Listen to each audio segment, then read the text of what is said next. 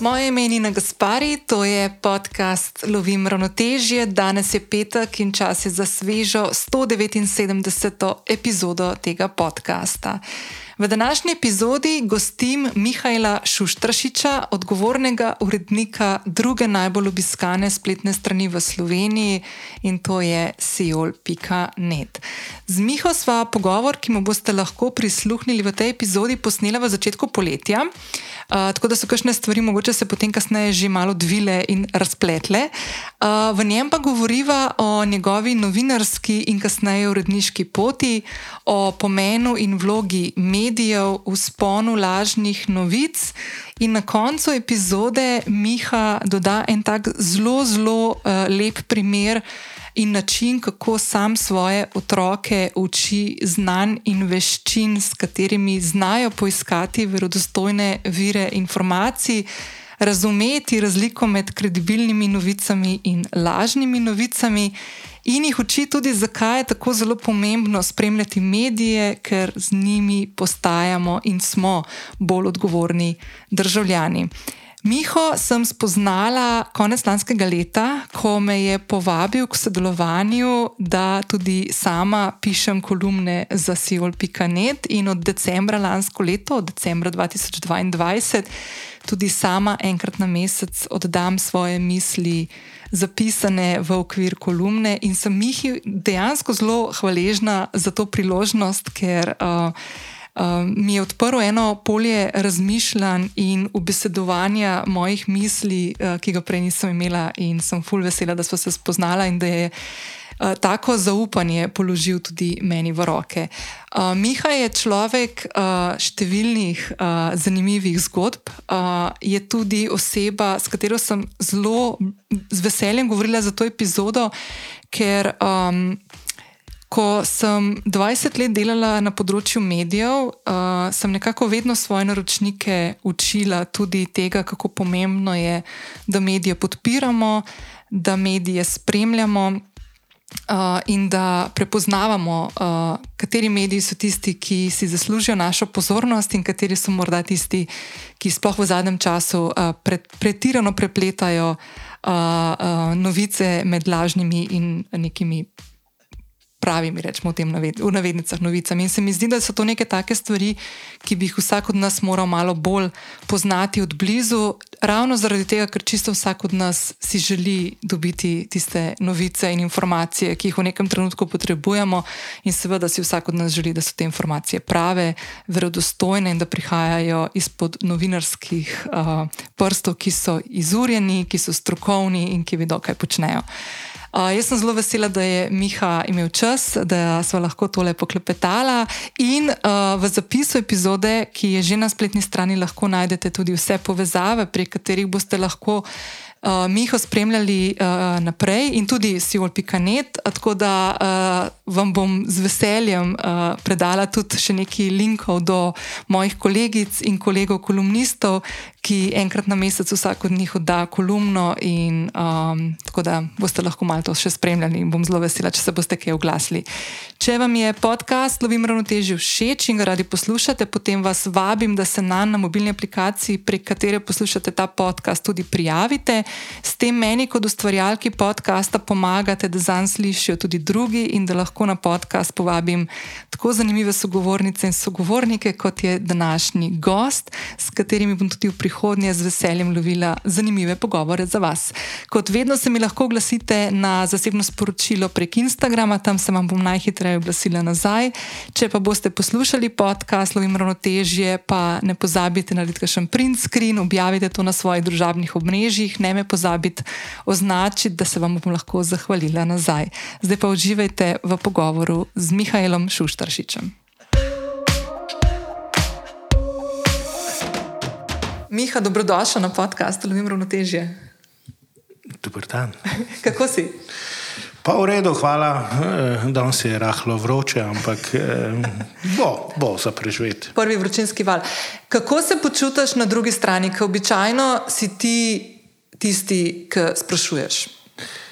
Ja, zdaj, če dalje manj sprašujem, ker sem v vlogi odgovornega urednika Siola, pa recimo, da sem prešel v vlogo nekega menedžerja, vodjo ekipe, vodjo uredništva. Um, In bolj kot ne, sugeriram svojim kolegom, kaj bi bilo dobro vprašati, kje so tiste teme, ki jih bi mogoče odpirali, ne?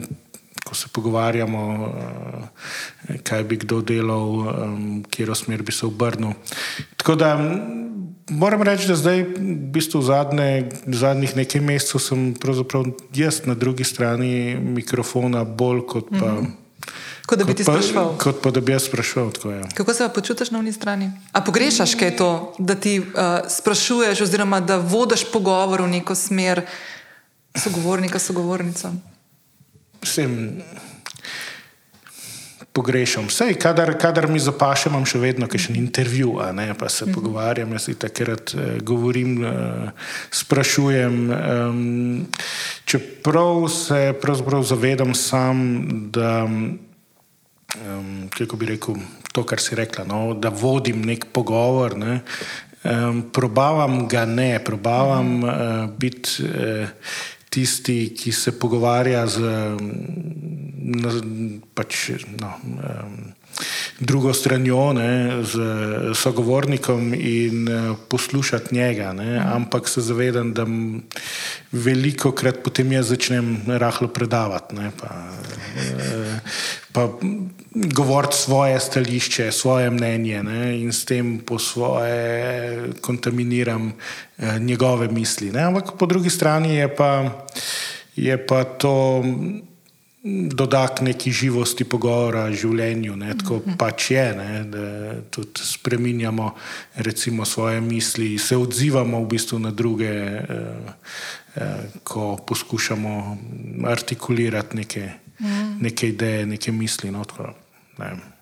Fuzim, to, sem odgovoril. Ja, ja, nekaj to imam zdaj v mislih. Ne, um, pri, priložnostno živčna sem zdaj le ker se pogovarjam z nekom, ki eh, to dela že praktično celo življenje, da vodi pogovore. Je, Mislim, jaz nisem bil nikoli tako pogovorni um, novinar, uh -huh. da bi sem, da bi si me ljudje predstavljali kot v studiu, kjer poteka nek intervju, ali ne vem, Ksenija Horvat in mm -hmm. zdaj mi dva sogovornikom rahlo kramljava in tako. Ne. Jaz sem bil pač vedno agencijski novinar in uh, moja vprašanja so morala biti eh, kratka, egzaktna in kot se reče, on the point. Ne, torej, Eh, probal sem dobiti tisto bistvo, ne? ni bilo vprašanje v stilu, pa drugače, kako ste, ste v redu. E, to ni šlo pol v intervju. Ne? Včasih so bili tudi te moji sogovorniki, če sem že delal intervju, potem um, relativno razočarani, Aha. ker je bila zadeva kratka. Mi smo imeli mm, omejitve, pač dolžinske omejitve eh, teksta in Eh, ti si se sogovornikom, sicer je bil čist prijeten pogovor. Ne, um, fajn je, seveda, da, imaš, da si pripravljen, da imaš nekaj vprašanja eh, pripravljeno vnaprej, ampak kot rečeno, pogovor te pol vedno uh -huh. rahlo odpelje, moraš biti pripravljen tudi na kakšne pod vprašanja in tako naprej. Uh -huh. um, pogovor je bil vedno prijeten in tako naprej, in potem na koncu je bilo treba to skrajšati na približno stran pa pol. Uh -huh. In sem bil eno parkrat um, pač, v zadregi, ker uh, je bil pol sogovornik užaljen, sem to ste dal. Ne? Uh, če pa to vedel, se pa ne bi vam toliko časa posvetil. Sam ti si da... omenil, ti si delal, rekel si, da si bil agencijski novinar. Čisto za tiste, ki morda to ne vejo. Ti si dolg časa. Do lanskega novembra, ko si prevzel uh, urednikovanje Siola, si, bil, si delal na STA-ju. Zdaj STA tudi tisti, ki ga prej niso slišali, nažalost, smo ga spoznali. Slovenska tiskovna agencija. Slovenska ja, tiskovna agencija, to je medij, ki v bistvu ustvarja vsebine, predvsem za druge medije. Tudi, A sem prav rekel, če zelo poenostavim?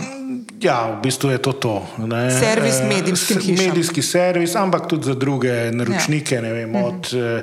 veleposlaništva, tujih podjetij. Um, pač uh mhm. -huh. kdorkoli želi, lahko dobiva um, novice uh mhm. -huh. STA, um, ki pa so, kot rečeno, agencijske, to pomeni predstavljena so dejstva, gre za ne vem, neko kronologijo, ne? mm. gre za to, kar se je vem, danes zgodilo. Um, Seveda so zapisani, zapisana tudi mnenja relevantnih um, osebnosti, analitikov, politikov in tako naprej, ne? ampak uh, običajno dano zelo um, objektivno, uravnoteženo v kontekst. Uh -huh. uh, agencijski novinar ne komentira, je to dobro, da je to slabo, je ta zdaj uh, laže ali ne laže. Ne?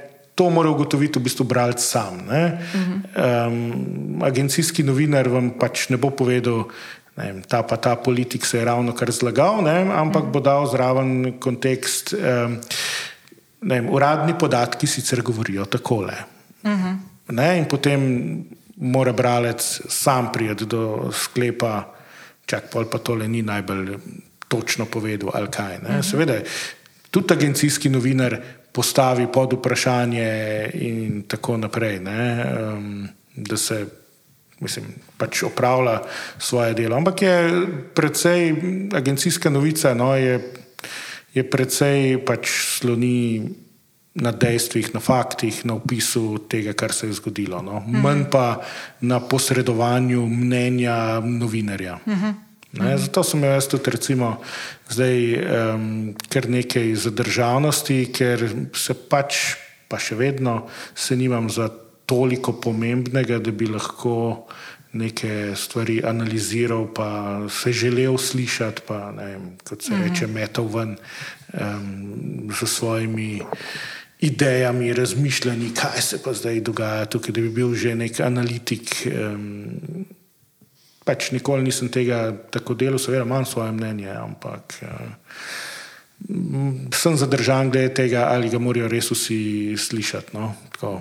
Ampak je to, to je težko, ne? v družbi, mislim, težko. Jaz se tega zdaj privajam nazaj, ne? da včasih. Um, en primer bom dala zelo konkreten. Na dan, ko tole snimava, Mislim, da se je včeraj zgodila ena tragedija tam na Štajerskem, ki je en, en oče, ali mislim, da je bil oče, a ne mama, mama, pozabila otroka, zgleda v avtu in je umrl otrok. Ne?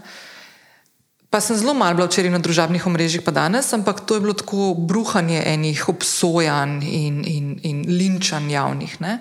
Veš, to so trenutki, ki te v bistvu lahko ful hitro potegne ta val noter, da še ti malo prsoliš svojega zraven mnenja. Ne? In se mi zdi vsakič, ko se poskušam, pa, pa se dam stran ven iz tega, ne, ker stara Nina bi to šla takoj na tipkat in povedala še svoje. Ne. Vsakič se mi zdi tako mala zmaga. No. Pa se mi zdi, da to ni lahko v tej družbi, ki je obsedena s tem, da se obmetavamo z mnenji. A se strinjaš? Mislim, ja, ne, se ravno to tudi v tem primeru um, najlažje v bistvu obsojati. Uh -huh. Ampak zelo malo vemo, kaj se je dejansko dogajalo vem, in v glavi staršev. Uh, v bistvu, zakaj, kako je sploh lahko prišlo do tega. Um, ja, zelo lahko je reči. Neodgovorni starši, eh, vem, zločinsko dejanje, upam, da bojo šli sedeti za 20 let. Eh, Vzamem te otroke, ostale ne. Vse. Ja. Ne. Um, Po drugi strani pa sploh ne vemo, ne, zakaj je do tega prišlo, kakšne stiske so bile mogoče v zadnji. Eh, eh, ja, lahko je bilo neodgovorno, lahko je, lahko je pa marsikaj. In potem rečeš, fakt. To je, res, to je pa res neka nesrečna zgodba, mm -hmm. ki kačemo zdaj še vem, prelivati olje na ogen. Mm -hmm. um, jaz se, pa ne da bi, se, da bi bil zdaj rezerviran ne, v takih primerih, ampak čakam v bistvu na, neke, na več informacij, um, da lahko podaš neko oceno. Ne. Če nimaš nič drugega kot otrok, je umrl, ne, eh, lahko pa če rečeš, sam upam, da se to ne bo ponovil, da je te paziti, bote res pozorni. Uporabljajte, ne vem, kako je NJZ uh -huh. uh, dal takoj še enkrat. Uh, tiste svoje priporočila, da je zraven otroka, ne vem, telefon. Ne, seveda, takoj potem so bili komentarji. Otrok, oh, je telefon več vreden, ne? kot ne, otrok. Na telefon ne boš pozabil. Ne? Ja, eh, ja, ja, vem. Mislim. Ne, zelo lahko je reči takrat, ko si vem, zelo easy, sproščen, z mislimi ne vem kje. Po drugi strani pa ne vemo res, kaj se je dogajalo v glavah teh staršev. Um, kot rečeno, lahko sta popolnoma neodgovorna, se bo izkazalo, da tole je bil pa čisti kriminal. Lahko je, je pa bila tudi neka stiska. Ne? In ne vemo, ne? policija ni povedala, CSD ni povedal, institucije, ki jih imamo za to, niso povedale. Vprašanje tudi je, ali bomo to kdaj izvedeli. Spet tretje vprašanje je. Rabimo to vedeti. No, to, ja. A moramo take stvari tudi vedeti, tudi um, mislim, detajle, vse ne? detajle. Ne? Mm -hmm. um, je bilo to zdaj naklepno, ali je, mislim, ne vem. No. Ampak ti tukaj, kar rečeš, da počakaš naprimer, na, na več dejstev, zato da lahko podaš neko svoje mnenje, kako koli. A to ti govoriš zdaj kot Miha, posameznik, ker naprimer medij pa mora poročati o teh stvarih. Ne? Mislim, kdaj je, tisto, kdaj ne, je tista sej, točka? Sej poročaš ja, ne? poročaš ja, ampak zdaj tako, da bi pa. Uh -huh. Osebno na Twitterju napisal, ne. jaz se recimo ne želim zlorabljati um, medija, ki ga vodim za posredovanje svojih osebnih agent. Mm. Zelo relativno malo imate mojih prispevkov, mm -hmm. pa se tudi trudim, da jih ne eh, komentiram preveč. Mm -hmm. ne, eh, mislim, da nisem preveč komentatorski v teh, v teh mojih prispevkih. Um, recimo, da predhodniki ali pa v drugih medijih so, je kar nekaj svobode. Ne, da, mm -hmm. Um, da tudi malo um, kolegi razložijo, zakaj je zdaj to, pa je to v redu, ali ni v redu, ali uh -huh. bi nas morali skrbeti, uh, a ta človek, ki, o katerem vem, pišemo, o dejanjih njegovih, uh, uh, o katerih pišemo, je vem, sposoben, da to upravlja ali ne. Skratka, uh -huh. ne, napišejo neko kritiko. Ne. Um, jaz tukaj kot rečeno, sem raj zadržan. Uh mhm. -huh. Povem fakte, povem ti lahko tudi relevantna mnenja sogovornikov, mislim, uh mhm. -huh. relevantnih sogovornikov. Ne? Če se pač vem, pogovarjamo o. Um, Pa bom spustil zdaj ta tragični primer, pa gremo uh mhm. -huh. ne vem, raj na ne vem, spremembo ustave, ne, uh -huh. ki, ki se zdaj dogaja, razprava se dogaja pač v državnem zboru. Ne. Tukaj rabimo relevantne sogovornike, vem, tiste, ki se s tem ukvarjajo že recimo, celo poslovno oziroma svojo kariero, ne, uh mhm. -huh. ne vem, ustavne pravnike, ne, ljubljanske fakultete, mogoče mariborske, ne pa ne vem. Da o tem sprašujem nekega psihoanalitika, ne? če ni moja zgodba pač uh mhm. -huh. usmerjena ravno v to. Uh -huh. ne? Ampak ne kar nekih dežurnih eh, kritikov, ki bojo rekli, da vse skupaj ni nič in tako naprej, ampak nekoga, ki bi nam moral osvetliti tisti problem iz strokovnega vidika stališča. Uh -huh. uh, in jaz nisem to, ne? jaz nisem ustavni pravnik. Recimo, uh -huh. Lahko pa ja, vam pokomentiram, ne vem, kako rešujem jaz eh, problematiko vem, sovražnega govora v, v medijih, ne, v komentarjih. Pač tukaj sem sprejel neko odločitev, prevzel odgovornost um, in smo se pač nekaj odločili in lahko to odločitev utemeljim, razložim in tako naprej. In no, da komentiram. No, da povej, ker to, to je bilo eno Kaj? od mojih vprašanj zdaj, ki se mi je zdelo. Mi smo že tukaj. Ja, ne, bova, bova za ko si glih umenil, ampak sem hotel malo kasneje. Um, odločitev si sprejel pred, zdaj, ko še en dober mesec nazaj, ne? dva mogoče. Tako nekako, ne, ne. Ja? Mislim, da je tri tedne, ne vem, če že štiri. No. Ja. Je bilo, kdaj je bilo, konc, konc maja. maja, maja. Nekje, ja. Da na Sijolu boste napisali si začasno. Uh, do nadaljnega, do nadaljnega, pardon, do nadaljnega, bodimo točni, do nadaljnega ukinjamo komentiranje člankov možnost komentiranja. Možnost komentiranja Lahko član. komentirajo ljudje um, kjerkoli pač hočejo, samo ne pod, ne pod članki, članki objavljenimi na Sijolu. Ja. In zdaj reakcija, ne? Dobro, ok, reakcija, če gledaš Twitter, je bila tako zelo obe smeri. Bile so pozitivne, bile so negativne. Ampak jaz sem ful presenečena, ker je, ali pa mogoče ima moj mehurček, ne vem. Jaz sem videla zelo veliko pozitivnih reakcij. Tudi od nekaterih ljudi, ker bi mogoče pričakovala, da bodo bolj kritični. Pa ne mislim za tisto najedanje, pa zato, ker je zdaj nekdo, a veš, tle. povedal, pa, pa se ne strinjamo z njim. meni je bilo zanimivo, da so bolj ali manj vsi to označili za pogumno odločitev. Pogumno. Ne? Mislim, kot da je zdaj za to pa res potreben pogum. Zakaj? Mislim, kaj sem pa tazga.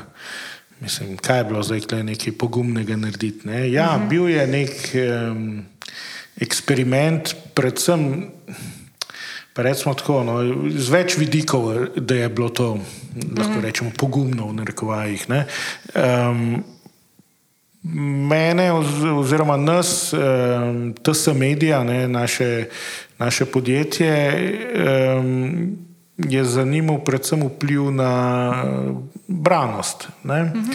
Koliko, uh, koliko se bo zdaj to poznalo na obisku naše spletne strani. Vendar le od tega živimo. Uh -huh. um, obisk um, pač prinaša oglede tudi eh, oglasov in od prodajanja oglasnega prostora mi živimo. Ne?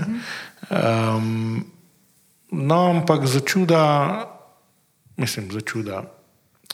Eni so mi govorili, da takrat um, to se ne bo poznalo nič, uh -huh. drugi pa branost nam bo strmoglavila. Uh -huh.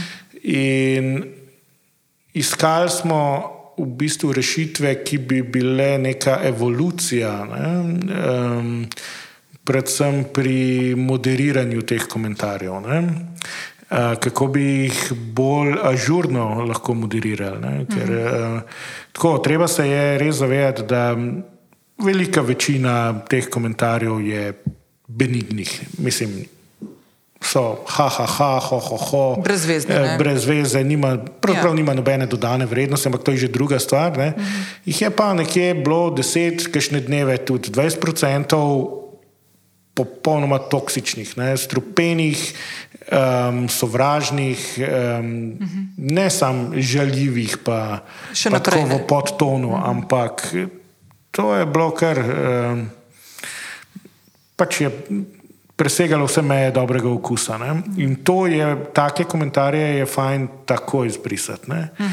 Um, tukaj smo bili mi pač v nekih eh, tudi kadrovskih težavah, ne, eh, ker v nasprotju mogoče z splošnim prepričanjem, da pa ja, imamo mi eh, administratorje in moderatorje, ki se non-stop s tem ukvarjamo, ne, nimamo jih. Ne. S tem se pač ukvarja tisti, ki ima čas. Ne. In na koncu se je izkazalo, da tisti, ki ima čas, je to odgovorni urednik, ki to počne zvečer od 8 ure naprej ko se usede na kavč, pa um, gleda, kaj je bilo narejeno čez dan, kaj sem jaz pregledal, kaj bi lahko še nadgradili, in tako naprej. In hkrati prebiram še vse te komentarje in jih brišem, in tako naprej. To je precej zamudno um, opravilo, ki sem ga, ki sem ga v bistvu. Meni je vzel, recimo, da sem prišel čez cel dan, eh, mi je vzel recimo vsaj 4 ure. Ne?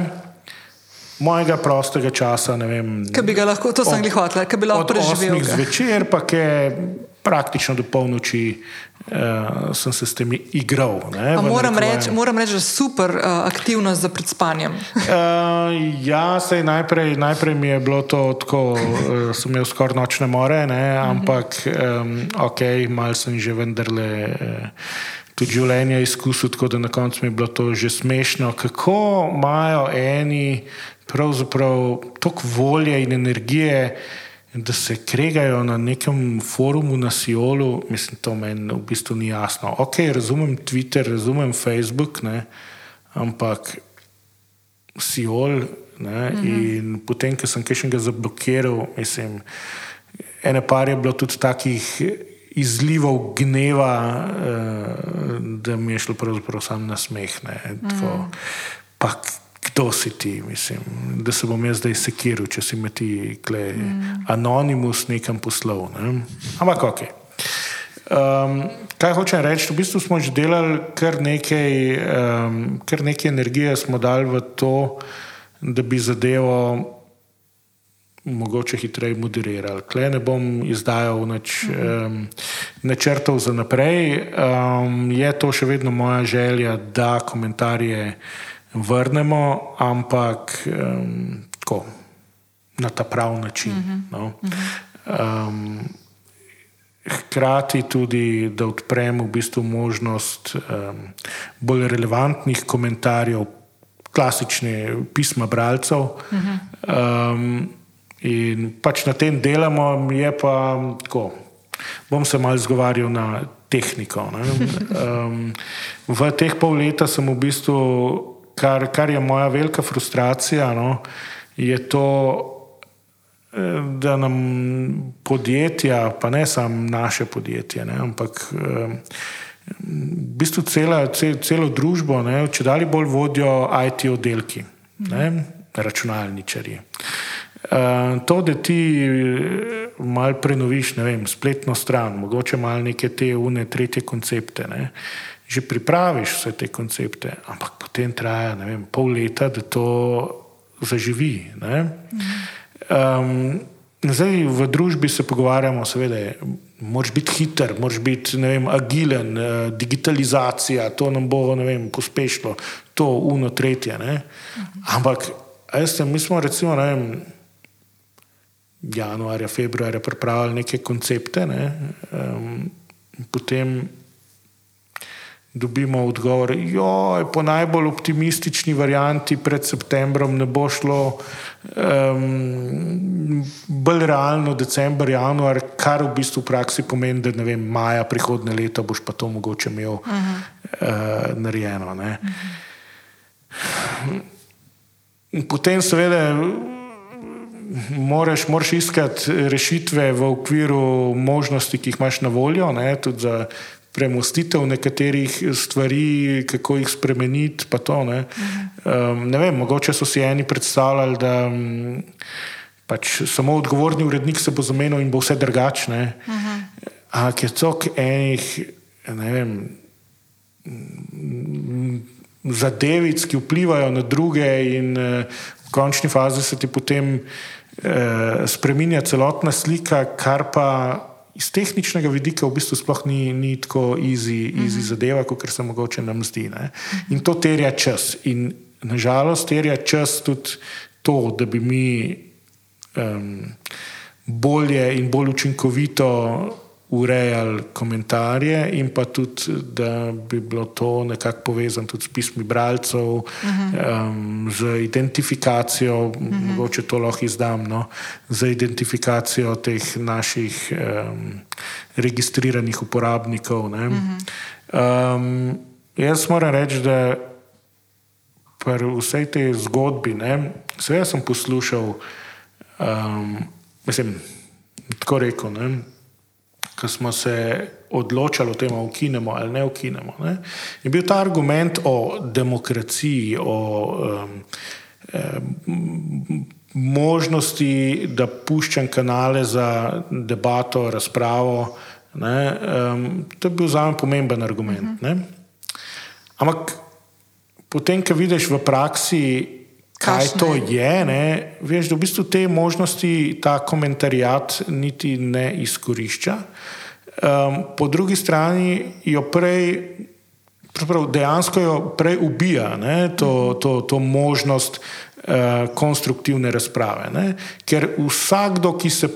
Mislim, vel, predvsem v, v, v, pri novicah glede Ukrajin, vojne v Ukrajini ne, je bilo recimo, kakršni koli pomisleki ali pa neki, ki je nekdo hotel mogoče kakšno zadevo razložiti, se jih je takoj najdel, ne vem, pet z ene ali pa z druge strani, ni mhm. važno v bistvu, kdo je koga podpiral. Ne? Ker so tega komentatorja začeli um, sramotiti, mhm. žaliti, um, predvsem sramotiti. Uh, pol, zdaj, tisti najbolj uporni so nadaljevali, ne? mnogi so pa utihnili. Mhm. Ker, ker to ni debata. Uh, ja, ni debata, in pa tudi v bistvu. Um, vem, eni smo pač eni smo navajeni, vržeš ven tweet, se ti v seriji, pardon, uh -huh. uh, se ti od spodaj pod tistim tweetom nalima sto in en eh, komentar, kako si za neč, pa ne vem kaj. Ne. Zdaj to te lahko prizadene, ali pa pač mene že ne več. Ne. Um, mnoge pa. Ne. -huh. ker mislijo, pa jaz sem ja nekaj tehnega povedal, kako lahko to. Uh -huh. In se sekirajo zaradi tega. Ja. In se sekirajo celo zaradi foruma na, na Siolu, ki je relativno nepomemben ne, za moje pojme. Uh -huh. um, ja, in na ta način smo ubijali javno uh -huh. razpravo. Uh -huh. In zato je bila odločitev, da v bistvu je treba nekaj narediti toliko lažje. Ne. Prebil je pa potem, seveda, nekaj, nekaj člankov, um, kjer, kjer so bili res žaljivi komentarji uh, ad personam uh, na tisto osebo, ki je v članku pač nastopala. In, Ko bom rekel, ni bila to samo moja odločitev, je pa, je pa definitivno uh, moja odgovornost. Mm -hmm. Zato sem tudi v tistem mojem komentarju napisal: Odločil sem se. Mm -hmm. um, Marsik, mislim, ker nekaj jih je bilo, evo ga, kralj na Betajnovi, sam se je odločil. Ne. Definitivno ni, bilo, mm -hmm. ni bila samo moja odločitev, ampak. Um, Si pa stal za njo in to si povedal. Stojim za njo in ja. tako, upam, no, da bomo te komentarje vrnili pred jesenjo se zelo verjetno ne bo zgodilo nič. Uh -huh. um, pa bomo pa videli, no, kaj bo, bo ratan. No. Včeraj sem videla na LinkedIn-u, je, mislim, da je ena kliping agencija slovenska objavila anketko. Uh, ali menite, da bi morali biti komentarji pod članki na spletnih straneh medijev um, ne zaprti, ampak da bi mogli biti ljudje identificirani, ko komentirajo? Pet ti bom poslala, pol. sicer je bilo zelo malo, mislim, da je takrat 60 no. odgovorila, ampak večina je bilo ja, ne, 90 odstotkov takrat to, je bilo ja. To sem, to sem bil jaz. Prej, ker sem v bistvu načel, no, tega, tega nisem um, v bistvu razdelil, ampak jaz stojim na konceptu, da anonimnost ni tako nepomembna ne, pri, pri tej javni razpravi. Um, in ja, ne, bi jo ohranil po eni strani. Uh -huh ne? ampak anonimnost na vzven. To pomeni, da vem, ti, Nina, boš eh, vem, lahko dama iz ne vem kje podpisana po, eh, kot username, ne? uh mhm. -huh. da te bojo drugi uh, videli pač samo po tem niku. Ne? Ampak do nas, skratka do nas, do administratorjev, ne, bi pa bila Nina Gaspari z naslovom, z telefonsko, z ja. mailom, ki deluje. Uh -huh. ne, in Z odgovornostjo. Bi, tako. In ne. če bi, ne, moj, mislim, jaz sicer vedno upam, da imam na drugi strani um, odgovorne ljudi, ki se znajo obnašati, ne, uh mhm. -huh. se da na opomote, tudi jaz, kdaj ne vem. Padem ven, pa izgubim živce, pa um, sem tudi samo človek. Uh -huh. uh, ampak Ne, da se znaš tudi vem, opravičiti mogoče za, za kakšne svoje spodrslaje, uh mhm. -huh. eh, kaj pojasniti in tako uh -huh. naprej. Ne. Skratka, če bi ti kdaj spodrsnilo, bi te mi lahko upozorili, halo Nina, uh mhm. -huh. kaj je bilo to, a se lahko prosim obnašaš. Ja. Ampak to bi rešili mi, ne uh mhm. -huh. na vzven, ne, vem, ne bi te javno grajal na, na forumu. Ne. Uh -huh. Razen, če bi se odločila, da me pač boš ignorirala, ne? ja, pol pa se poslovimo, pa, pa nimaš več možnosti komentirati. Ampak ti, ne še vsi ostali, tako, mm -hmm. kot se morajo zdaj, zdaj narediti. Ker so pač nastradali tudi eh, tisti komentatorji, ki so bili popolnoma ok, ki so, se, ki so spoštovali pravila in tako naprej. Ampak preprosto mm -hmm. ni, šlo, ni šlo več na ta tehničen način, ki ga imam na voljo, uh, nadzorovati vse te, mm -hmm. uh, te tokove, oziroma jih pustiti, ker ne vem, sami sebi. Mm -hmm. um, treba se tudi zavedati, da mislim, jaz se zavedam, ne, da sem na odgovornem položaju, kjer odgovarjam za vso vsebino, ki je objavljena na portalu Siolnet. Torej, tudi za komentarje. Ne, sicer bi bil verjetno prvi um, urednik, če bi proti, proti kateremu bi kdo sprožil kakšne postopke um, vem, zaradi sovražnega govora, omogočanja sovražnega govora. Ne. Ampak ne vem, jaz ne rabim biti vedno kaznovan, mogoče pa lahko delamo tudi malo. Preventivno, sovražnega govora ne bom več dopuščal, ne, bom do, uh -huh. ne dopuščam ne vem, diskriminacije, um, ljudi, ki imajo pač zaradi njihovih osebnih okoliščin, ne, od um, rase, vere, političnega prepričanja, ne, spolne usmerjenosti.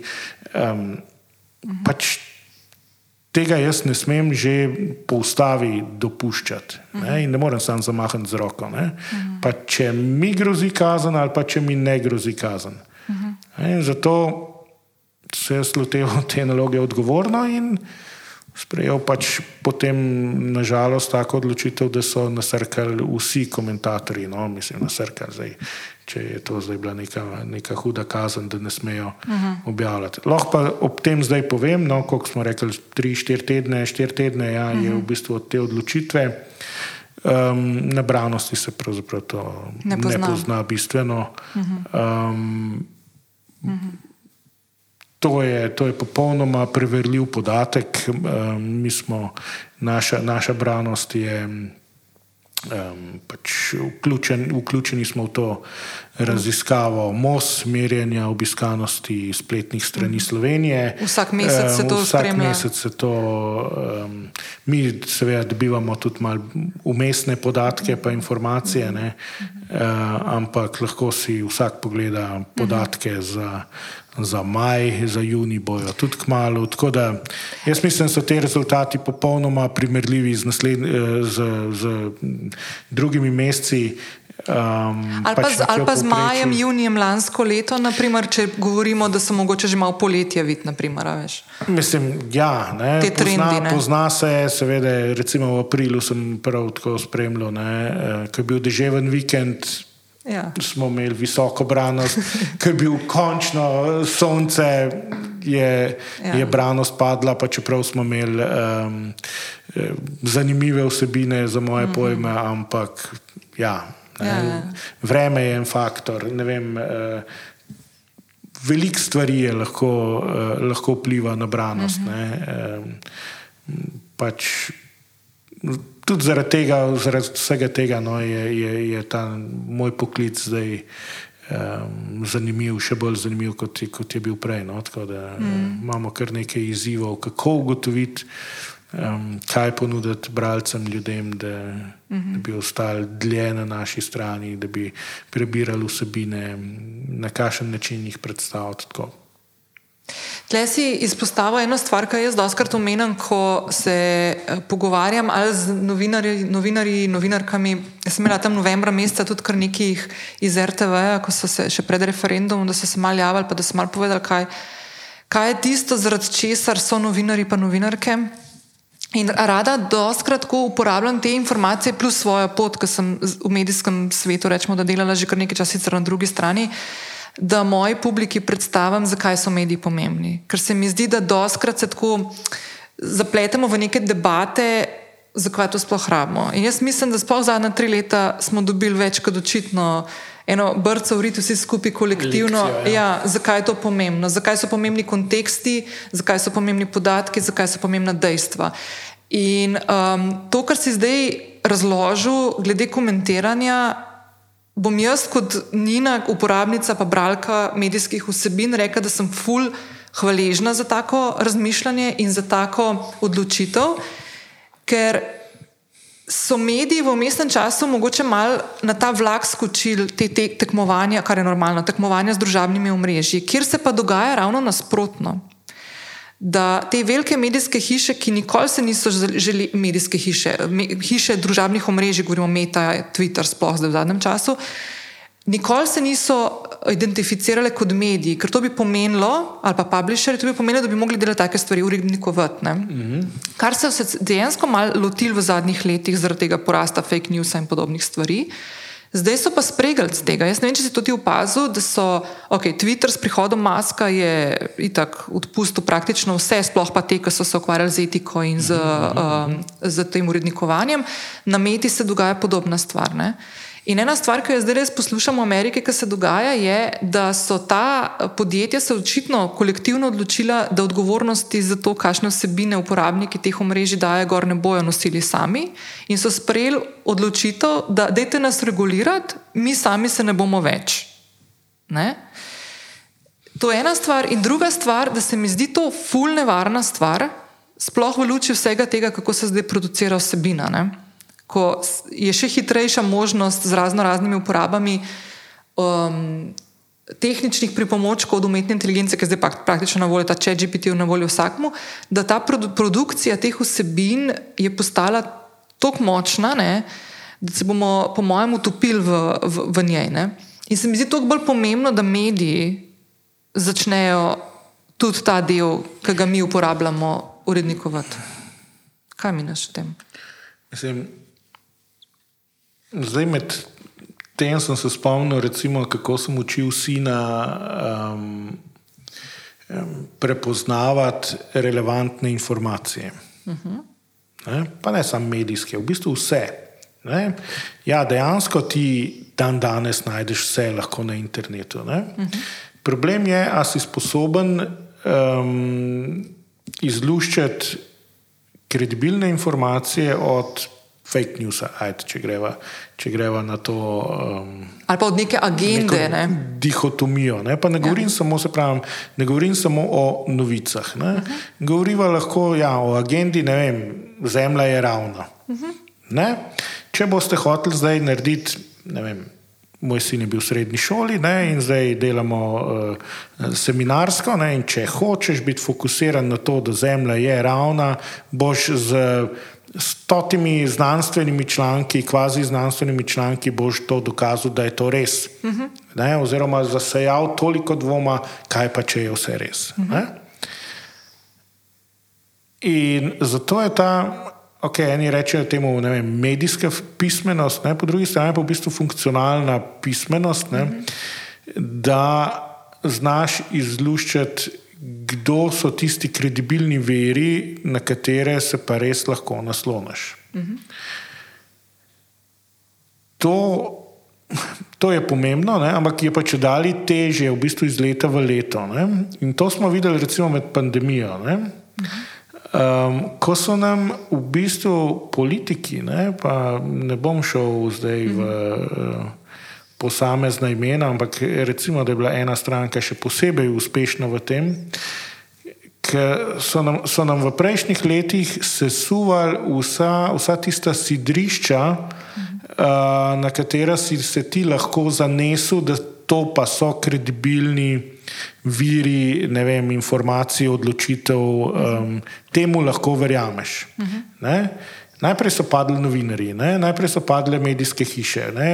Ne vem, kjer je, kjer je v bistvu tudi ne vem, nek oksimoron, ne vsi poročajo isto.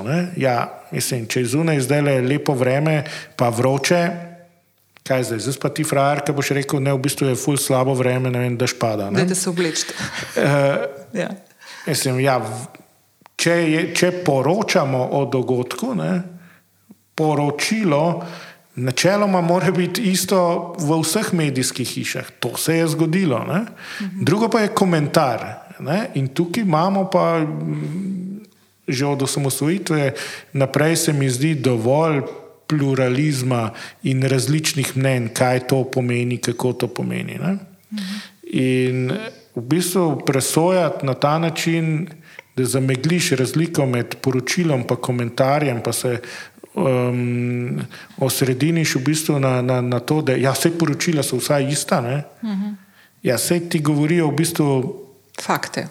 Tako, dogodke. dejstva in iste stvari, iste dogodke. Ne? Če je vlada danes vem, predlagala tak zakon v eh, državni zbor, kaj češ zdaj o tem povedati, da ga ni ali da. Ne, lahko ga pa komentiraš, seveda, ne, ampak uh mhm. -huh. poročilo od komentarja je pa treba ločiti. In to je prva stvar, ki jo običajni ljudje imajo že težave. Uh -huh. In skratka, novinari tukaj, ali pa mediji tukaj smo bili prva žrtev temu. Uh -huh. A jim verjeti ali ne. ne? Potem smo, so bili politiki, um, ta stranka laže, te politiki lažejo. Spet je vse slonilo na mnenjih, bolj ali manj. Uh -huh. Jaz pravim, da on laže. Uh -huh. Sami veste, da v bistvu malo politikov je končalo vem, na na sodišču bilo obsojenih, nekaj, so, mislim, nekaj sodnih procesov je potekalo, ampak epiloga v bistvu ni bilo. Ne?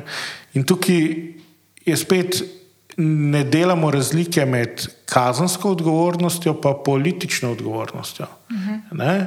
Zdaj, če nekdo, ne vem, je, proti njemu je bila vem, sprožena neka, nek kazenski postopek, je tekel, ne, um, na koncu se ni zgodilo nič. Ne, recimo včeraj smo imeli epilog proti pomembnemu slovenskemu politiku, ki je bil oproščen. Ne, um, spet ne bom uh, delal reklame nikomor. Uh -huh.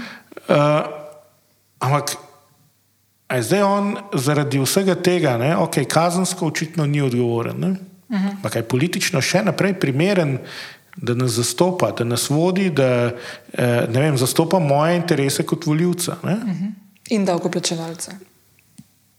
Če gremo en korak dlje. Itak, ne, ampak. Um, uh -huh.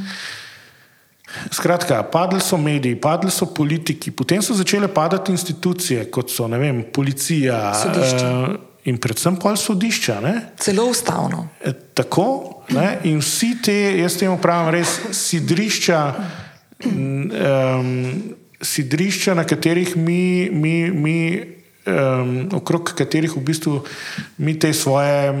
To je pa res, ker je vem, um, sodišče tako reklo. Uh -huh. Zdaj vse dvomimo, uh -huh. nič ni res. Ne? Pa vem, vse se ti dogaja. Eš, recimo, vem, generacija naših staršev ne, je, je imela tako, ja, valjda je to res, da so po televiziji povedali. Ja, ja. Valjda je to res, se v knjigi piše. Uh mhm. -huh. Zdaj je to ne, ko meni predstavlja, ne, tako, zakaj o tem ne, ne upate pisati, ne, zakaj ne pišete, ampak zakaj ne upate pisati, zihar vas nekdo drži. Klele eh, imate vem, deset člankov o tem, kako obstaja neka zarota, da nas bojo vse vem, podcepili, pa bomo čez tri leta vsi mrtvi, pa, pa tako naprej. Ne.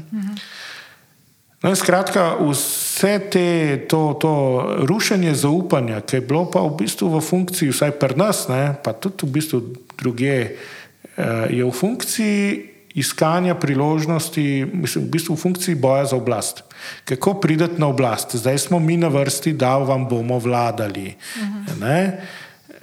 In tukaj pa tudi za moje pojme trčta dva koncepta. Si ti demokrat ali si nekdo, ki hočeš izvajati dominacijo ne, uh -huh. nad drugimi, nad sodržavljani. Mi smo zdaj vlada, mi vam bomo povedali, kako morate živeti. Poslušajte nas. Če ne boste nas poslušali, jih boste pa dobili s palcem. Skratka, uh -huh. um, boste kaznovani ne, ali z globo ali kakor drugače, mislim, na, na nek način. Um, in to se je med pandemijo pokazalo. Uh -huh. Mi bi morali poslušati vem, institucije, ne? zdravnike, um, pač stroko in v končni fazi tudi vlado. Uh mhm. -huh. Ampak ker so te isti, ki so bili na vladi, nam prej vse čas govorili, da. V te institucije ne smeš zaupati? So v bistvu dobili lastno zdravilo nazaj. Uh mhm. -huh. ja. In narod nam rekel, je bil zmeden, ampak je že naučen, da, da, da v, pač temu ne zaupamo. Ne? In potem je bil šok na strani vlade, zakaj nas ljudje ne poslušajo, ne? zakaj nam kontrirajo. Ne? In potem je začela ne, pač se dogajati represija. Ne? Mm. Pa čeprav so imeli uh, namerne Ne, ne upam, ne, mislim, ne želim verjeti, da je bilo to zdaj načrtno, ja. eh, so nas hoteli zapirati v, v občine in tako naprej. Vse to se je dogajalo po celi Evropi. Ja, ja, ja. V bistvu ukrepi so bili Podobne popolnoma zelo. primerljivi uh -huh. eh, z našo soseščino. Um, ampak ja, ker ni bilo zaupanja, le temu pa res moramo verjeti. Ne? Osamosvojitev se je dogajala tudi zato, ker smo verjeli tistemu, kar je bilo na televiziji takrat, ne? mislim, pa kar je bilo na radiju, pa kar je pisalo v medijih. Mhm. Sveda je bilo tudi kaj vem, olepšano, narejeno tako uh, s kakšnim propagandnim učinkom. Mhm.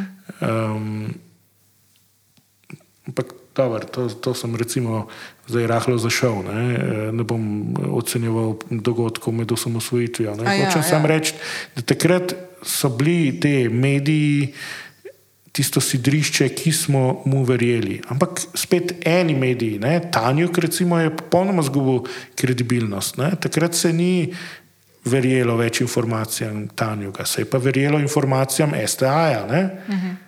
In zakaj se mora to zdaj vem, spremeniti? Ne? Kje je kredibilnost STA-ja padla? Ne? Recimo, uh -huh. da smo bili na tnalu. Uh, takrat sem bil pač član tega uredništva, ne? da smo bili na tnalu leta 2021. Ker se je nekdo odločil, da nimamo več te kredibilnosti, uh -huh. ker je šlo za čisti politični napad. Uh -huh ne, ne profesionalne spodrsljaje in tako naprej. Uh -huh.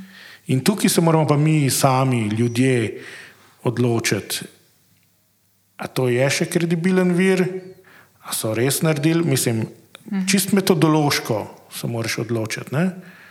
Zdaj to, kar nam un trdi, da te niso kredibilni, res drži, ali je uh -huh. cherry picking, torej um, samo en posamezni primer, kjer ki ga pa ne gledamo v kontekstu ne, uh -huh. in potrjuje vem, to njegovo agendo. Ne. Sam veš, kje, kje je tukaj zanimiv moment. Prej si omenil, kako si sinu uh, razlagal, ja. um, kako loči vir, ki je. Vir, ki ga spremljaš, in neko ali mnenje, ali komentar, karkoli, ali pa neko stvar, ki lahko utegne biti malo. No, sej, če te nisem zdaj mogel, verjetno si. tudi njemu nisem mogel uh, dobro razložiti. Ne, ne, ne, si, si. Kot rečeno, red predavam. Ne, ne, ne, ampak je super. Ne, ampak je super, zato ker si eno ful dobro stvar odprl, da takrat, ko se je dogajala ta zadeva z STA-jem, se je začel ta konkreten napad zdaj v zadnjem času, no, pol se je nadaljeval in se še nadaljuje, nažalost, z RTV-jem, uh, pa še kje bi kakšno stvar najdel kako od ljudi, ki nismo skozi šolanje in tako naprej naučeni, a veš, uh, okay, ti si rekel medijska, res je to funkcionalna pismenost, pa, pa še en kup drugih stvari, tudi konec koncev finančno pismenjevanje. En kup enih takih sposobnosti in znanj bi bilo fajn, da se jih vključi že otrokom. Ne? Kako boš ti od teh ljudi pa pričakoval, da ko se bodo taki napadi dogajali, da bodo znali kritično razmišljati in kritično vrednotiti, ali je, je to cherry picking, zdaj, kar se je zgodilo, ali dejansko je neka velika zgodba zadnji in nekdo, ki nekoga veš, zdaj, napada, ali v bistvu ima prav, da jih napada. Ne, veš, tež, ne moreš. Ne? In tle pol na koncu prideš ja, do tega. Zato moraš narediti, kako se reče, peer review. Ja. Torej, um, Sam moraš kritično oceniti, kaj se tukaj dogaja. Zdaj, a imaš čas, ali ga nimaš, to je, tukaj, ja. to je, to je najpomembnejše tukaj. Ne? Ampak, uh -huh. veš, pa recimo spet zdravstvo. Uh -huh. Ko se je pojavila neka bolezen, recimo leta 80, ne, uh -huh. kam si šel po informacije? K zdravniku. Si šel k zdravniku, oziroma v knjižnico, si se hotel pozanimati. In ja. tam si knjižničarja si vprašal, a imate kaj o boreliozi? Uh -huh. Pojma nimam, kva to je, neki klopi. Ne? Ja. Joj, evo, klele imaš, ne vem, enciklopedijo. Uh -huh. ja, temu smo verjeli, ne? če v enciklopediji piše in nekdo to preveril, pa je to uh -huh. fakt. Uh -huh. Aj, kaj, kaj, kaj delamo pa zdaj? Ne? Google, uh -huh. borelioza. Uh -huh. Prvi zadetek. Vrhu, prvi zadetki so oni, ki so sponzorirane vsebine. Ne? Uh -huh. In ne vem, nekdo ponuja čajček za to ali neki, neki. Uh -huh. ne? Recimo, zdaj, vir, za moje pojme je vir tukaj pomemben. Uh -huh. Opis bolezni temelji na, na čemu? Uh -huh. Na osebni izkušnji tistega, ki je to napisal, ali na vem, enciklopediji, ali na zdravniki so mi povedali. Tle zdravniki so mi povedali, da je tole res ne vem, nek uh -huh. znan zdravnik a ga jaz poznam že odkje nekje, a mu lahko zaupam, ali je to Brahma Putri iz Mumbaja, ki je popolnoma lahko zmišljena oseba. Mhm. A ga lahko preverim tega in potem grem googlat naprej, ne vem, tega zdravnika, pa vidim, mhm. ok, deluje legitimno, očitno je živ človek, objavlja ful. Prvi sicer slišim za njega, ampak očitno je nek strokovnjak, epidemiolog, ogromno nekih citatov v nekih, eh, nekih vem, znanstvenih revijah.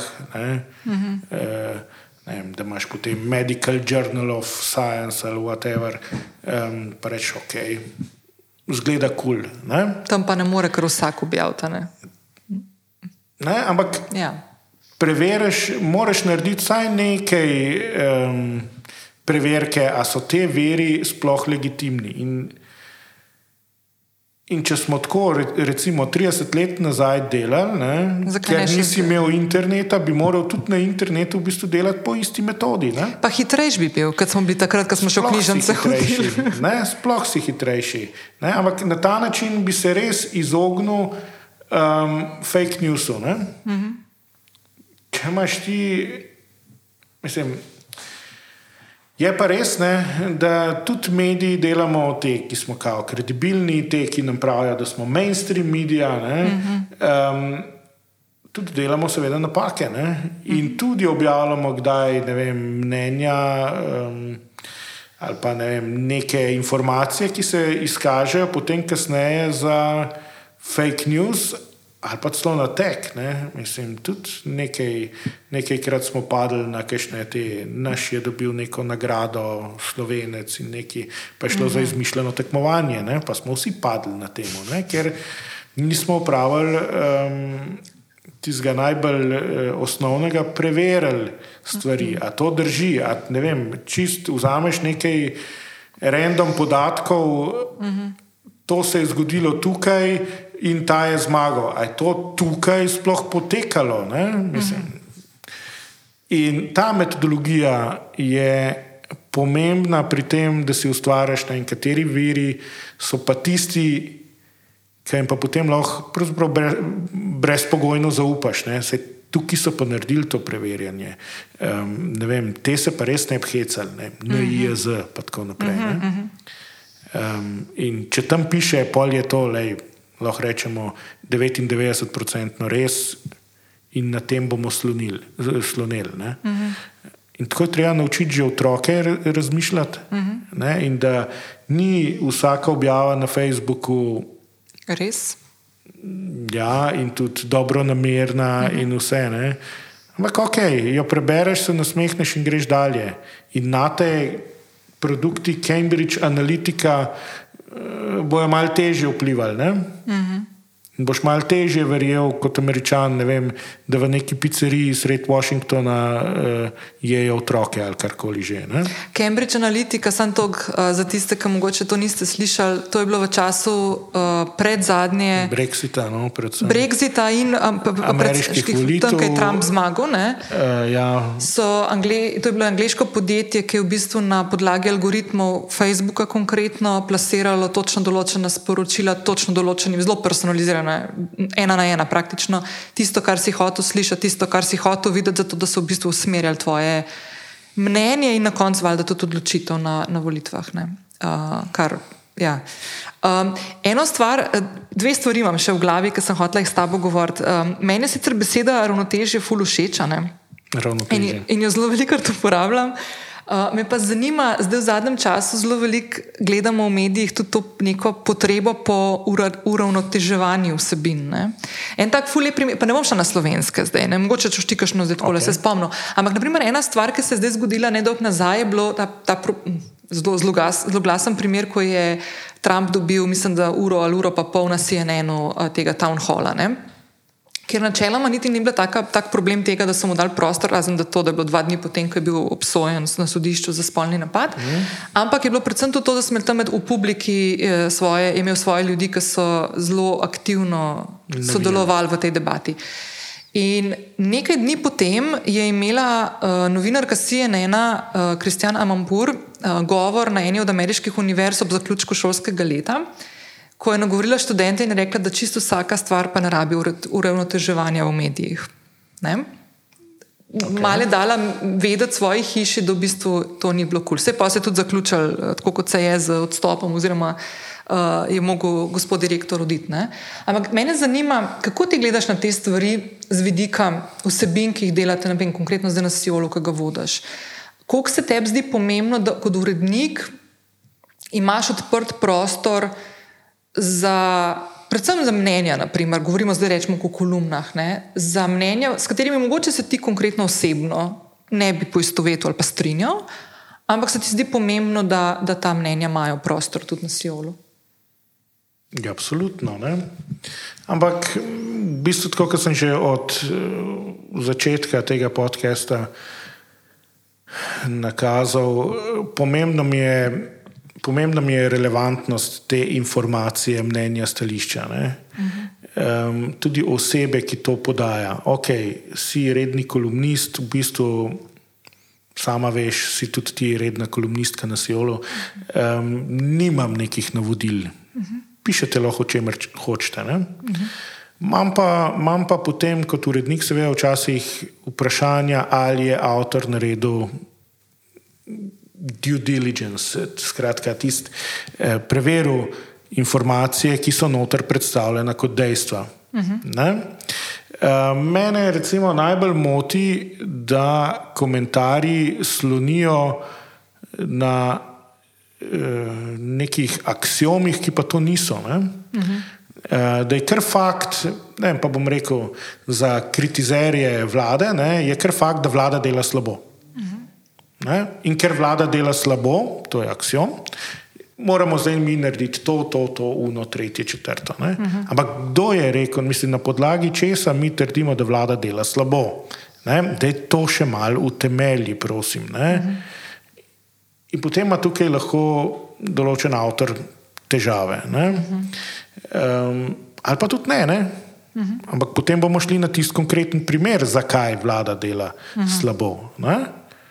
Ampak tukaj smo že, jaz to čisto dopuščam mnenje, da vlada -huh. dela slabo, ali pa vlada dela dobro, ali pa kakorkoli, pa že sem si izbral ta primer. Uh -huh. Sam utemelji ga, prosim. Ne, -huh. ne da, to, da je to kot neka verska resnica. Uh -huh. In zdaj bomo pa na podlagi tega gradili uh, cel stolp naprej. Mhm. Je to splošno znano, kar ti tukaj zdaj, na, na čemer gradiš ti ta svoj komentar? Ne? To je recimo moja največja zahteva kolumnistom in tem ustvarjalcem mnen. Mhm. Vse ostalo je pa njegovo. Mhm. Um, recimo,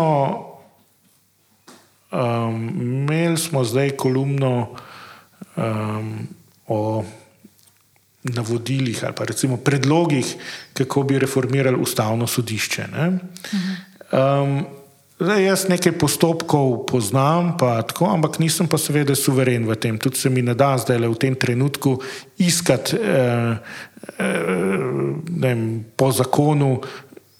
Kakšen točno je postopek, in tako naprej. Jaz preverjati avtorja. Uh -huh. Preveril sem ga na ta način, a si ziger, da tole drži. Ne? A ni tole mal neki drugač pa to. Ne? Uh -huh. In če mi on odgovori zelo suvereno, ne, ne, ne, ne lej, v zakonu je tako, tako, tako, v redu, uh -huh. si zadevo preveril, si jo naštudiral, tvoja odgovornost. Uh -huh. Mislim, vse je seveda tudi moja. Uh -huh. Ampak sloni na faktih in ima to mnenje. Jaz se mogoče strinjam z njim intimno, mogoče ne, se mi v vsakem primeru zdi zanimivo in vredno objave zaradi tega, ker spodbujamo razmišljanje um, o tem fenomenu, o vem, te, te, temu dogajanju uh, in mogoče ima tudi premiso izboljšajmo sistem. Uh mhm. -huh. Kritika je za me gibalo razvoja, če je seveda uh, utemeljena. Ne? Če ti nekdo razloži, da tole pa ne delaš pač dobro zaradi tega, tega, unga in tretjega, da uh -huh. uh, uh, to pa izboljšaj. Ne, uh -huh. ne samo, ni mi všeč. Uh -huh. To je to, ni mi všeč, je subjektivno. Ne? Da pa nekomu pokritiziraš, eh, zakaj pa, je pa po, to, po tvojem mnenju to, ne vem, potrebno neke, nekih sprememb, je pa že poskušaš malo bolj objektivizirati, uh -huh. uh, narediti stvar objektivno. Uh -huh. Zdaj pa uravnoteževanje. Ne, No, mislim, ti, ki delaš, ki gledaš vsebine, pa rečeš, aha, zdaj bom zbanalizirala. Tri je danes, so, da, da vlada dela slabo, zdaj rabimo pa tri, ki bo rekel, da dela dobro. Ne dela, ne, ne dela se ne, teh stvari na tak način. Ne? Mislim, lej, sej, vse skupaj je en proces. Um, danes je tako, čez tri mesece bo mogoče malo drugačno. Um, ampak moje vodilo je predvsem v iskanju strokovnosti, ne? in pa je pa vse tudi odvisno od teme. Ne? Seveda me zanima, če ne vem, vlada predstavi nek nov zakon. Ne? Um, moramo imeti stališče vlade, zakaj, kaj, kaj se zdaj tukaj spremenja, kaj, kaj se uvaja, kakšen je namen tega. Uh -huh. In šele na podlagi tega mi lahko, um, recimo, temu kakovostno komentiramo nekaj ne? uh -huh. in najdemo relevantne sogovornike. Ne? Pa so zdaj to, ne vem, lahko sindikati, um, neka zbornično združenje, ne, GZS, recimo, ali pa. Ne, ne rabim imeti vedno strank zraven, uh -huh. pa eh, desno, levo. Uh -huh. Kot rečeno, tiste, ki odločajo o tej zadevi, tiste, ki bi morali imeti glas pri tem, tisti, tiste, o katerih um, zadeva govori. Ne, uh -huh. Ali pa se jih dotika najbolj? Mislim, če zakon ureja njihovo področje. področje ne, uh -huh. Pa ne vem, poglejva, poglejva zakon o, varst, to, za zaščit, o zaščiti živali. Uh -huh. Mislim, tega ne moreš delati brez kmetov in uh, rejcev živali in tako naprej. Uh -huh. Lahko pa kamot delam brez mnenja Jana Zajanče. Uh -huh. Pa bo še vsem zadeva uravnotežena -huh. in um, predvsem to.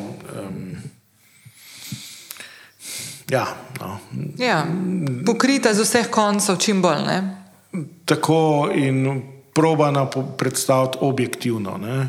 relevantna mnenja, kaj koga moti pri tem, kaj, kaj se še, kaj se recimo zapostavlja, uh -huh. kje stvari bi bilo treba bolje urediti. Ne? In to je sporočilo odločevalcem, uh -huh. ok, a smo to razmislili, ali je to zdaj nekaj popolnoma novega. Pa, nismo razmislili, pa bi mogoče bilo fajn. Uh -huh. To je tudi poanta vse te, eh, mislim, instituta javne razprave o, uh -huh. eh, o določenih aktih. Uh -huh. eh, in ja, to je, to je naša naloga pri eh, širjenju neke metodologije demokracije. No? Uh -huh. Zato, zato so mediji pomembni za demokracijo. Ne zaradi tega, kaj meni ta prvak opozicije ali pa ta prvak eh, koalicije. Uh -huh. um, ja, tudi to je fajn uh, slišati. Uh, po drugi strani imamo cel, cel kup vem, popolnoma banalnih uh, novic. Vem, ta starleta pokazala novega fanta ali pa šla na dopust, ujeli so jo na dopustu pri naših sosedih in tako. Ja, problem, ne, ki, ga, ki ga imamo, da mediji smo, um, v bistvu gre za podjetja. Uh -huh. In odvisno od poslovnega modela, pač je tudi odvisno, moraš biti v bistvu vsi, vsi mediji slonijo na tem, da morajo biti brani. Ne? Ker če jih nihče ne kupuje, nimajo nekega razloga za obstoj. Pa lahko še ne vem, so uh -huh. take kakovostne vsebine noter uh, zapisane, ampak če jih nihče ne konzumira, ja. kaj bomo pol s tem? Um, v bistvu gre za biznis. Uh -huh. In tukaj pa potem vedno mi, vsaj jaz zdaj na tej funkciji, prej na STA-ju, res se mi ni bilo treba s tem um, ukvarjati, posebej ne na tak način kot zdaj. Ne? Ampak tukaj moramo pa skozi loviti ravnotežje. Um, kako si zagotoviti zadosten obisk, v bistvu. Um, Zbujati pozornost pri naših bralcih, da nas berejo, da nas spremljajo. Ne? In, in da se vračajo. In biti hkrati vem, kredibilni, uh, pravi, verodostojen vir informacij, ne? da tisto, kar mi zapišemo, je res. Um, atraktivni, ne? da dajemo tudi informacije, ki jih mogoče drugje ni mogoče prebrati. Um, in ja, imamo, ne vem, um, posredujemo mnenja relevantnih sogovornikov o uh, perečih temah, ki se trenutno uh, odvijajo v družbi. Ne? In zato, ne, recimo, da imamo kar relevantne kolumniste, ne? imamo uh, tri bivše ministre, niso pač uh, kar tako, ne? so desni, so levi, so vem, športniki, so, uh, se ukvarjajo z lifestylom.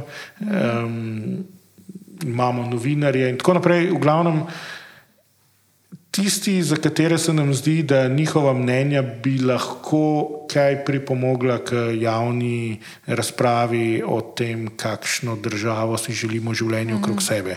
Ne, kako, ne, želim si mogoče malo več pozitivnih um, vsebin, ne, kako. Bolje uživati življenje, ne, ne samo, da smo napsihirani, da je vse okrog nas slabo, ker ni. Uh mhm. -huh ker objektivni kazalci v bistvu kažejo, da smo v top procentih prebivalstva na, na svetu.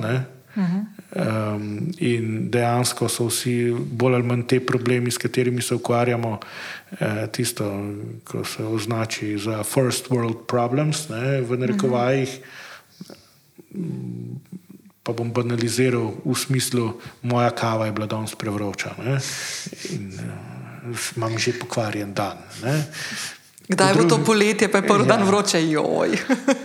po drugi strani pa sploh ne razmišljamo o tem, da bi moral iti zjutraj, ne vem, tri ure hoda po eh, deset litrov vode, ki bi jih moral nositi na glavi, recimo, ne, pa še mm -hmm. po dva v, v roki, zato da bi lahko skuhal kosilo. Pa, mm -hmm.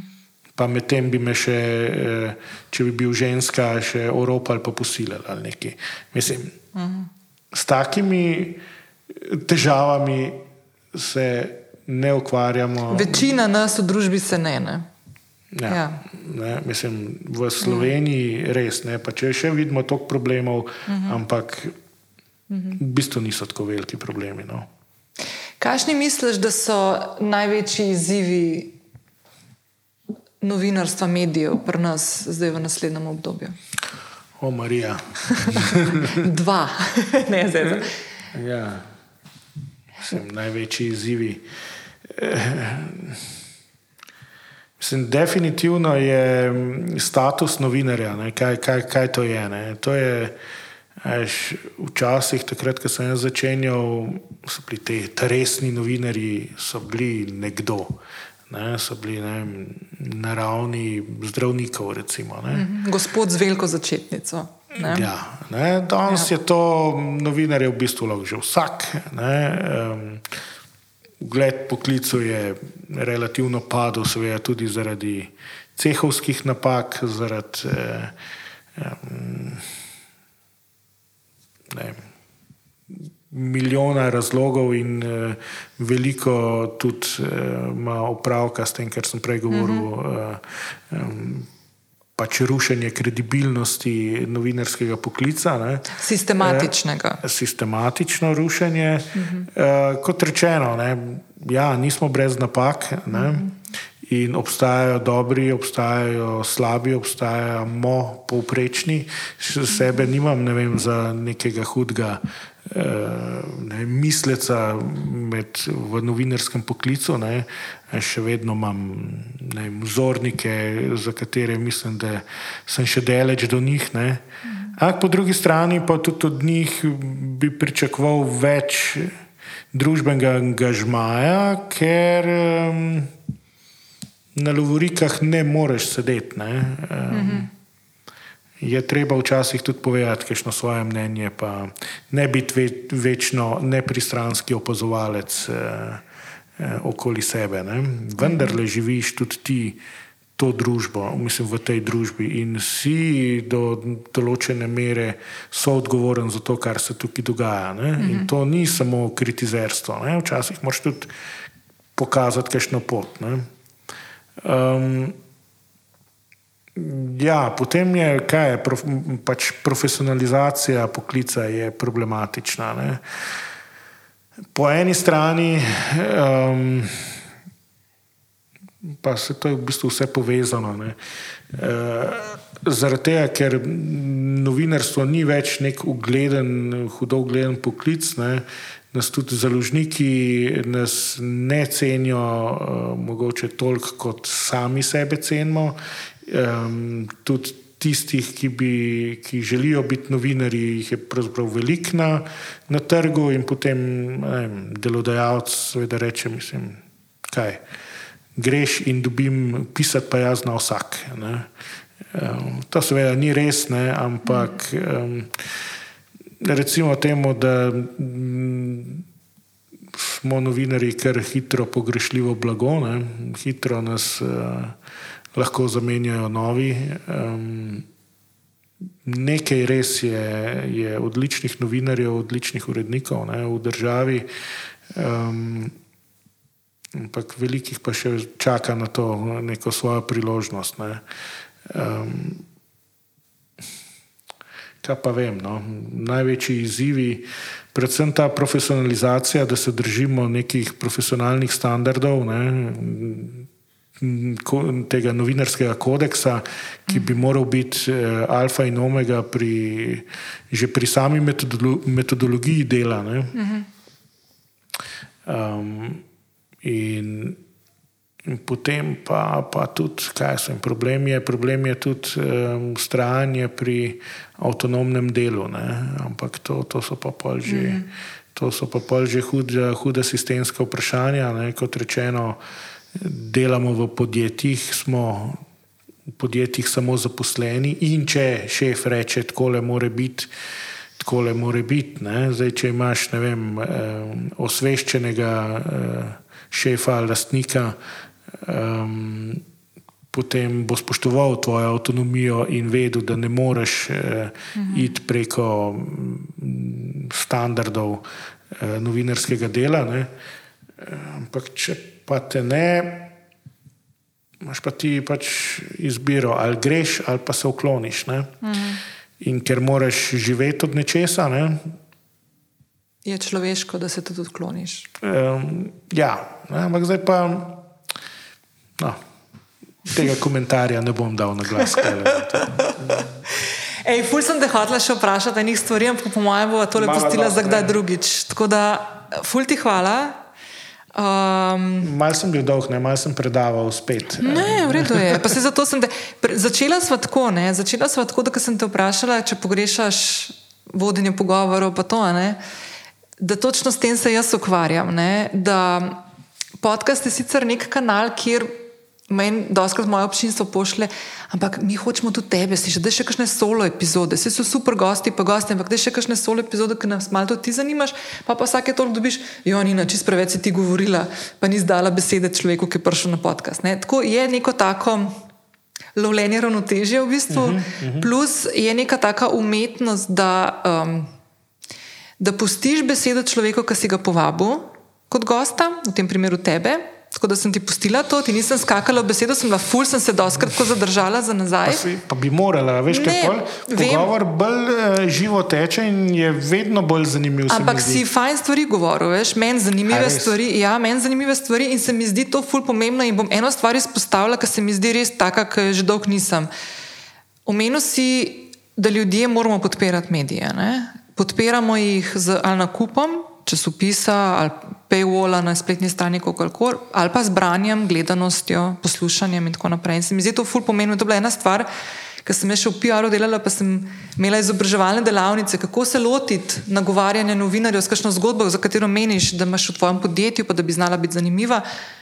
Prvo, prosim, da se naročite na tiste ključne stvari, ki so. Ne? Da ste spoh vedeli, kdo je na drugi strani, kakšne teme jih zanimajo, in tako naprej, da ste spoh znali pristopiti k človeku. Ne? Tako da treba je te stvari, če hočemo živeti v svetu, kjer dobimo neke relevantne informacije, preverjene informacije, ki nam dajo neke kontekste, ne samo v času pandemije, ampak skozi, in da ne bomo podlegali raznim agitacijam, ki se odvijajo na kakšnih drugih platformah, pa moramo tem stvarem tudi, je družbeno odgovorno, da jih podpiramo. Ne?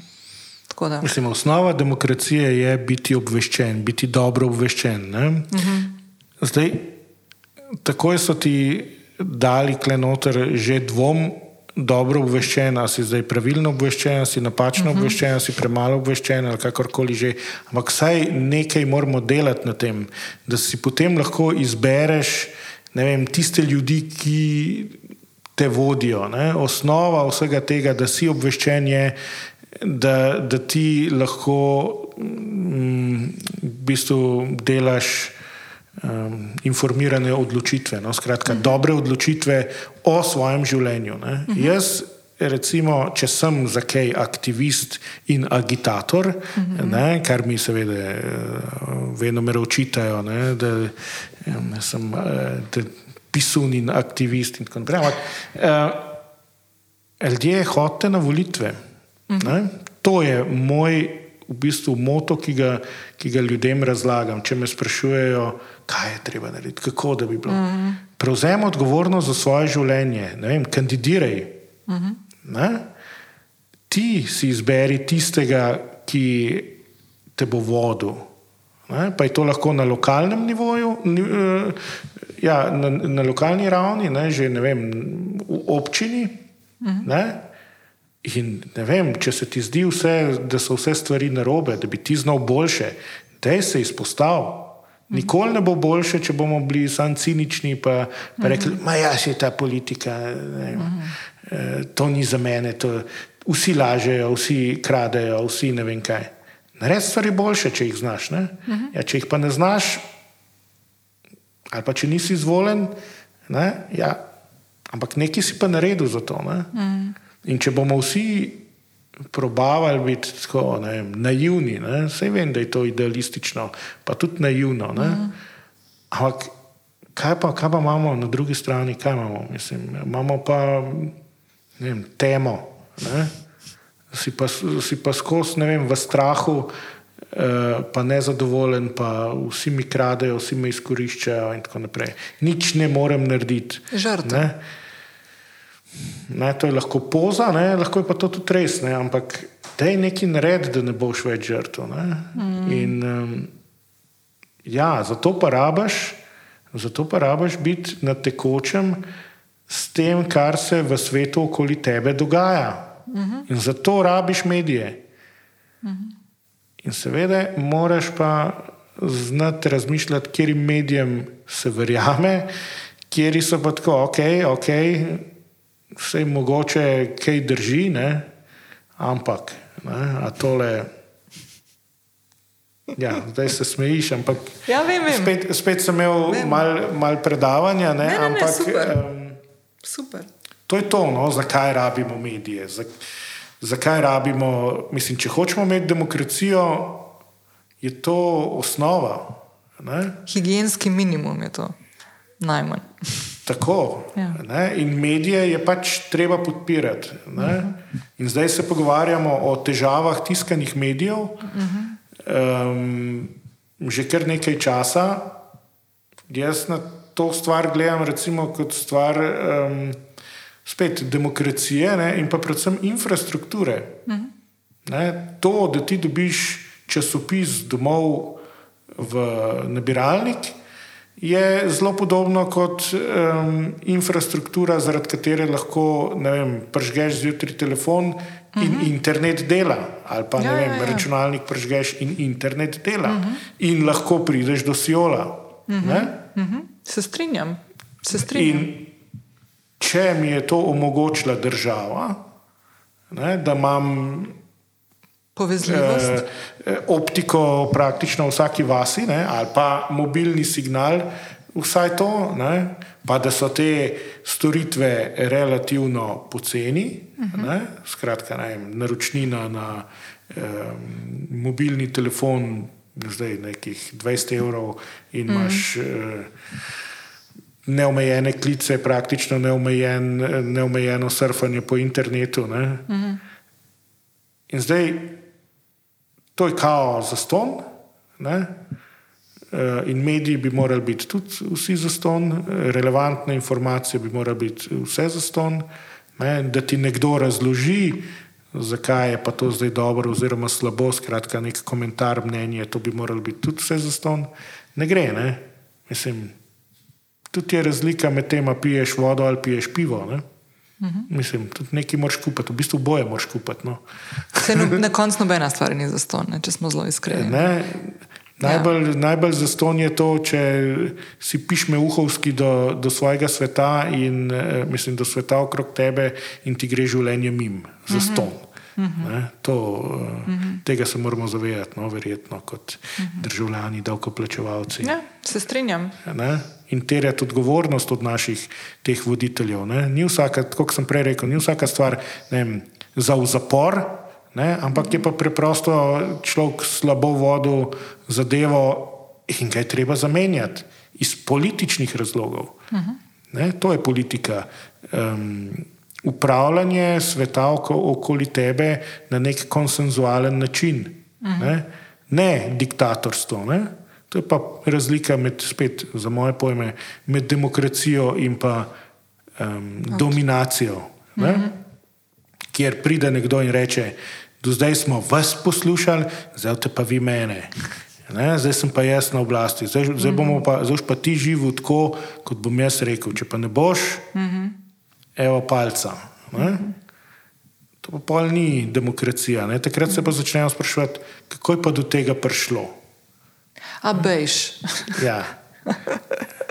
V bistvu, če lahko sam še to, no, vidim, da vse so rekli na začetku, ne, da, ne bova, da ne bova dve uri, ampak greva proti temu. Ampak zdaj sem se spomnil, jaz sicer nisem bral knjige, ne, ampak sem gledal to nadaljevanko, Deklina zgodba. Joj, okay. Najbolj me je recimo, tako, um, šokiralo tisto, zakaj je do tega prišlo. Uh -huh. Ker si videl, v bistvu, da to, to, to je pa nekaj, kar se ti lahko zgodi. Ne? Zelo hitro. E, zelo hitro. In ko je, ko je razlagala, kaj je ona Džun, uh -huh. razlagala, kako se je vse začelo. Uh -huh. Ko so vem, razstrelili parlament, sem rekla, Maja koga to, koga to briga, to mene ni zadevalo. Uh, Ker so, ne vem, oziroma ne, neki, neki, neki, ne, mm -hmm. in mhm. potem, ko so razstrelili parlament, sem bila rahlo zaskrbljena. Mm -hmm. Ko so mi ukinili bančni račun, pa odpustili službe, sem bila presenečena. Mm -hmm. Ker sem šla na proteste, je bilo pa že prepozno, so nas pa že streljali. Mm -hmm. Je bila pa družba že v bistvu tako preobražena, da nisi več imel kaj povedati. Ne? Ženske so bile mm -hmm. V bistvu lahko samo še doma, ne? pa burko na glavo. Mm -hmm. E, jaz sem začela gledati, to, knjige nisem brala, sem začela pa gledati to serijo in nisem mogla. To je bila ena redkih stvari, ki sem rekla, to je meni čisto mač. Pa je bilo to leta nazaj, mm ko je prišla prva. Ne? In, a veš, Jaz sem par sezon, pa zadnji pol tudi nisem. Meni je bilo preveč, preveč mi je bilo, no? ampak je pa ena nora stvar, ki se pa dogaja, ne? spet odpiram eno temo, ki bi lahko dve uri govorila. Ampak ful je zanimivo, na kolikih področjih v družbi lezemo tako konkretno uh mhm, -huh, nazaj. Uh -huh, A veš? Um, tudi pri nas se že te stvari opazijo, ne? pa zelo radi se zgledujemo pri samih takih fantastičnih idejah. Not po nekih teh državah, ki so šle res že v neke represije, določenega dela družbe. Vsaj, In meni je noro, fascinantno to, ne, da, da ne prepoznaš tega, da če se enemu delu družbe nekaj dogaja, lahko si naslednji ti, uh mhm. -huh. če boš tiho. Ker rečeš, to se pa mene ne tiče. Ne. Prekleto se tiče vsega od nas, no, taka stvar. Jaz sem se spomnil na uno, eno staro mamco, v Ameriki z transparentom na, na, na eh, protestih za pravico do splava, ne, mm. ki je bilo, kako že bilo, eh, ne morem verjeti. Da moram spet protestirati eh, ja. proti temu sranju. Ja. Ker je 50 let plus nazaj bila tam na istem mestu. In to je grozen, v bistvu. Ja. Ja. To je tako, mislim, za mene je to tako, kot če bi zdaj avtomobile prepovedali in bi morali iti nazaj na kočije. kočije. Ja. Ker smo tako, rek, smo tako rekli. Tako smo ne. se odločili, vi morate pa tako narediti. Ampak jaz sem poslušala par mesecev nazaj, mislim, da marca, marca Slavenko Drakulič, uh, okay. ne, hrvaško uh, pisateljico in novinarko, ki je predstavljala sicer knjigo. In je rekla, ravno na to temo, ne, z Hrvaške prihaja, kjer je problematika dostopnosti splava. Se smo videli uh -huh. par primerov, ko so prišle ženske v Slovenijo, pa si po pomoč. Uh -huh ta ugovor vesti zdravniku in tako naprej. Ampak je rekla ena stvar, ki njo ful skrbi in sploh pomislila nisem na to. Ne, je rekla, da zdaj prihajajo mlada generacija, Gen Z, ki smo se mi uh -huh. že mhm. pogovarjali veliko, ne, ki ne vidijo tega problema. Ker oni živijo v svetu, v katerem so določene te naše spone, ki jih imamo še v glavah. Ne, Odpadejo, ne? vse je bolj fluidno. Rekla in se je zdi to ful problem. Zato, ker o takih pravicah, kot je pravica do splava, da imaš ti sploh možnost pol zbirati, ne? Uh -huh, Mož, ne? Mhm. Iz, kaj se boš odločil, je stvar, za katero se moraš skozi boriti. In če te mhm. prihaja dru, del družbe, ki je avtomatično misli, da tukaj ni težave, se lahko stvari ful bolj zakomplicirajo, kot mhm. gledamo zdaj. Tisto, kar se ne? mi je zdelo ful. To to, se, mi, si... se mi je zdelo, da to ni moja zadeva, da ja. pač bojo se že zrihtali. Ja. Zakaj bi se jaz s tem ukvarjal? Ja. In pridemo res do tega, bodi pozoren, kaj se okoli tebe dogaja. Ja. Ja. Spremljaj, mislim, jaz otroke, pač dva imam, eden je že mal bolj vem, odrasel, eden mal manj, ne, ampak gledaj mi poročila. Uh mhm. -huh. ne? ne zato, da boš znal to ponoviti, ampak če nisi kontinuirano v, um, ne spremljaš tega, kaj se okrog tebe dogaja, ne, ne moreš odreagirati pravi čas. Ne moreš, ne vem, ne more se zbrati kritična masa ljudi in reči, ne, to pa ne. Tega pa nočemo. Ja. ja, se strinjam. Seveda, pol, mislim, vse to za sabo potegne marsikaj, ampak če smo uh, odrasli, odgovorni ljudje, ki se znamo pogovarjati, pa iskati skupne rešitve, ki so možne za vse nas, mm -hmm. pa je to super. Mm -hmm. Če imaš pa stalne kritizerje, pa to ni v redu. Pa, Ja. Pa imamo pa pač konflikt v družbi. Mm -hmm. Konfliktnih osebnosti bo vedno nekaj. Ne? So pa volitve eh, lani pokazale, kaj, česa nočemo, predvsem, ne? pa mm -hmm. verjetno tudi kaj hočemo. Mm -hmm. um, zdaj in seveda moramo na tem graditi naprej. No? Okay. Mava dost? Mava. Hvala, Hvala ti. ti. Hvala vsem, ki ste ostali z mano do konca. Uh, jaz verjamem in upam, da vam je bil ta pogovor všeč. Uh, Miha je eden od tistih ljudi, ki pomembno so ustvarja medijsko krajino v Sloveniji. In sem full vesela, da smo lahko poklepetala o vlogi medijev, o tem, zakaj je pomembno, da jih spremljamo, podpiramo z nakupi, obiski, naročninami uh, in da, da se vsi skupaj zavedamo, da so mediji tisti, ki so pomemben gradnik uh, demokratične družbe, uh, kakršno si ne na zadnje vsak od nas želi. Uh, jaz vam želim en krasen petek, še lepši vikend, se slišimo k malu, pa uh, uživajte. Ciao!